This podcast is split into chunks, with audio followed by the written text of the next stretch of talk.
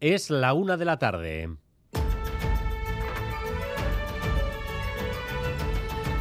Crónica de Euskadi con Dani Álvarez.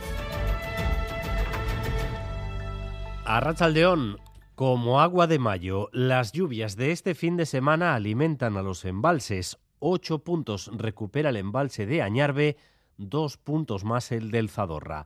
Han sido algo más que un alivio y sobre todo rompen la tendencia a la baja con la que llevábamos semanas. Rodrigo Manero. Sí, el viernes el embalse de Añarbe, el más grande de Guipúzcoa, estaba al 81% de capacidad y en apenas tres días se ha puesto al 89%, mientras los del sistema del Zadorra, que abastecen a la mitad de la población de Euskadi, han subido del 73 al 75. Las lluvias están llenando los pantanos y le han dado la vuelta a la curva, que llevaba semanas bajando. Todavía estamos ligeramente por debajo de los niveles normales, pero estos van a seguir al alza varios días más, porque esta semana va a seguir lloviendo. La sucesión de huelgas y conflictos en el sector judicial afecta a los abogados. Los colegios de abogados llaman la atención acerca del perjuicio que les está causando el retraso de los procesos.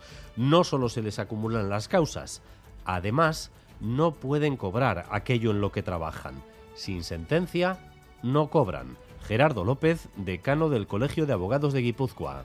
Es una situación crítica y por eso demandamos a todos los agentes pues que este, este conflicto se solucione una vez por todas para poder darle la vuelta además a este parón, que esto está llevando al sistema judicial en Guipúzcoa a una situación crítica, habida cuenta de los procedimientos que se quedan paralizados, eh, lo que está llevando a que los tiempos de respuesta eh, no sean eh, ni mucho menos razonables. Se recrudece el invierno demográfico vasco. Los datos de nacimientos los aportó hace unos días el Eustat y nos sitúan en mínimos históricos. Nacieron 13.000 bebés en el año 2022. Pero por otro lado, fallecieron 24.000 personas. Perdemos población, 10.000 personas menos que solo se compensan con la inmigración. Natalia Serrano. Sí, al batacazo en nacimientos sumamos ahora el de fallecimientos. En 2022 las muertes superaron a esos nacimientos. Viene siendo así desde hace nueve años, pero el año pasado se registró la diferencia mayor, más amplia. La población de la comunidad autónoma vasca se redujo en 10.574 personas. Impacta en todos los ámbitos. En el económico se rompe el equilibrio cotizaciones pensionistas. Enseguida vamos también con la campaña electoral, hoy fijándonos en tres localidades relevantes que históricamente han sido bastante estables en cuanto a sus gobiernos, Guecho, Eibar y Tudela.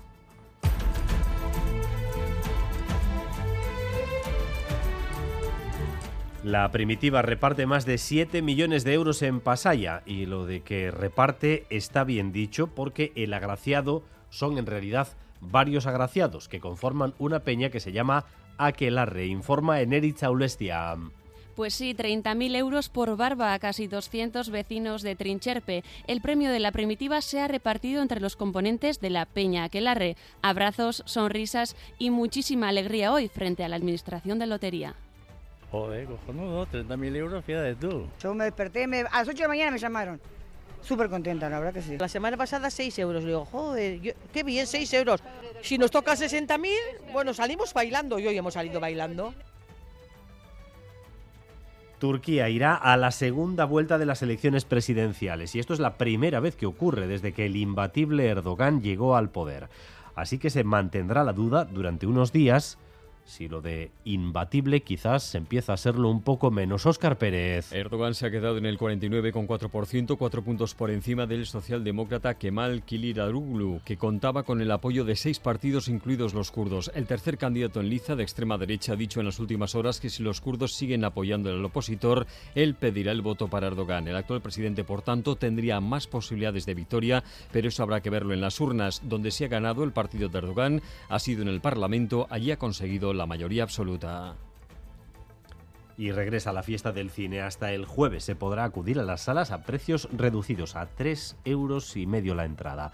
Saray Crespo, portavoz de la Asociación de Salas de Euskadi, y Carlos San Julián, portavoz de Golem, constatan una mejora en las cifras de asistencia en este 2023 y manifiestan que las previsiones para esta fiesta del cine son muy buenas. Y con lo cual ya es una campaña conocida, eh, la gente ya está incluso expectante a ver cuándo sale la campaña para poder disfrutar de las películas que están eh, esta semana en cartelera a un precio reducido. Sí, se ponen las entradas más baratas para, eh, para que sean revulsivo, pero tenemos claro que vamos a captar nuevos espectadores, gente que va a recuperar la afición y el hábito de, de volver al cine. Y vamos también con lo más destacado del deporte, con Álvaro Fernández Cadierno. Arrachaldeón, Álvaro. Arrachaldeón con los equipos de segunda que se complican el ascenso directo a primera tras empatar el Alavés en Albacete y perder el Eibar en Santander. Además, hoy se ha despedido entre lágrimas Iraya y Parraguirre, una de las capitanas de la Real. Tenemos también sorteo de ascenso a primera rep, Zamora Alaves B, Guernica Avilés. El Beasain se jugará la permanencia contra el Ourense y en ciclismo descanso en el Giro con Geraint Thomas como nueva maglia rosa tras abandonar por COVID Renko Benepul. En carreteras, atención estos momentos en El Orrio, sentido Beasain, N636. Un vehículo averiado obstaculiza parte de la carretera. El Orrio, sentido Beasain, en la N636. En cuanto al tiempo, ya lo ven ustedes, sin cambios, cielos plomizos y precipitaciones en la mayor parte del país, chubascos que se van a intensificar de cara a la tarde, sobre todo en puntos cercanos a la costa. En el sur de Navarra y de Álava también lloverá aunque de manera más dispersa, y las temperaturas continúan por debajo de los 20 grados debido al viento que continúa soplando del noroeste. 17 grados la temperatura más alta ahora mismo en Bayona, 16 en Donostia o en Bilbao, 14 grados en Pamplona, 13 en Vitoria-Gasteiz. Gracias un día más por elegir Radio Euskadi y Radio Vitoria para informarse. Raúl González y José Ignacio Revuelta se encargan de la dirección técnica y Ainhoa Iglesia de la coordinación. Crónica de Euskadi con Dani Álvarez.